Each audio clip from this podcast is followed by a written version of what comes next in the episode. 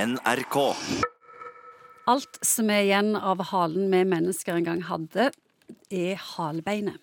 Forfedrene våre brukte halen både til å holde balansen og for å kommunisere, men så begynte vi å gå på to bein, og han forsvant. Skulle du gjerne hatt en hale, doktor Munkvik?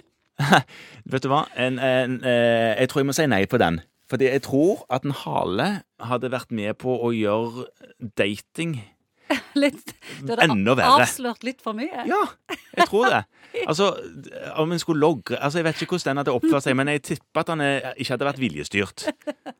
Sant? Så da ville en jo tenk, tenk, det er jo drøyt vanskelig nok å be en du er forelska med, med på kino. Ja, jeg Om skjønner. du ikke skulle ha en hale bak der som drev og logra eller vifta eller et eller annet.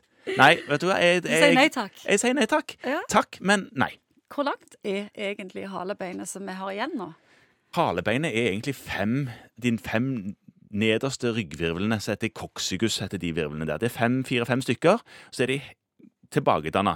Det er de er knokkel hele greia. Det er Det ikke noe er ikke noe- du kan mellomdisk. ikke bevege det i sånn Nei, den sitter fast. på ryggen. Og man kan kjenne det hvis man kjenner alvorlig langt ned på ryggen sin, så kjenner man halebeinstuppen der.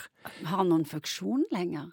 Eller har- bare, er han er bare han, der? han er bare der. eh, Og, eh, Kunne funksjon- hun bare fjerne det sånn som blindtarmen? ja, og enkelte som har veldig vondt og har prøvd alt mulig, Hvorfor har de vondt?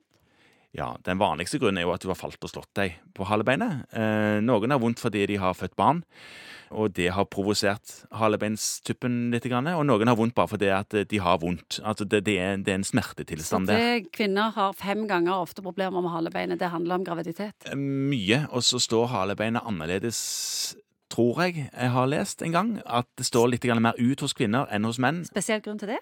Ja, det, det tenker jeg jo, iallfall i mitt enkle medisinhode, så var jo det lett å huske, fordi at du skulle gi plass til fødingen. Ja. Ikke sant? Men om det er grunnen, vet jeg ikke. Men det er nå sånn det er. Mm.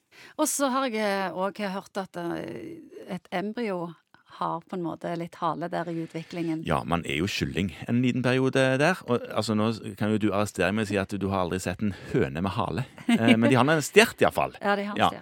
Og det stemmer, det. Man ser ut som eh, en, et kyllingfoster en liten periode før man finner på noe nytt og blir menneske. Men, og der er det hale inni der. Ja, kan halen knekke eller løsne bak Han der? kan knekke. Den kan knekke og, og Det må være gro- kokoen. det må være ubehagelig, kan du si. Og det man gjør da, det er at man må kjøpe en sånn kjempesmultring å sitte på. Ja, for du kan vel ikke gipse det? Nei, sant? Nei. Hvordan skulle hun gjort det, da? Så du må sitte på en svær smultring Ja, sant, i som- lang, lang tid? hvor du da s- gir trykk på lår og stump, men ikke midt under der. Hvor lang tid halebeinet- tar det å bli frisk fra det?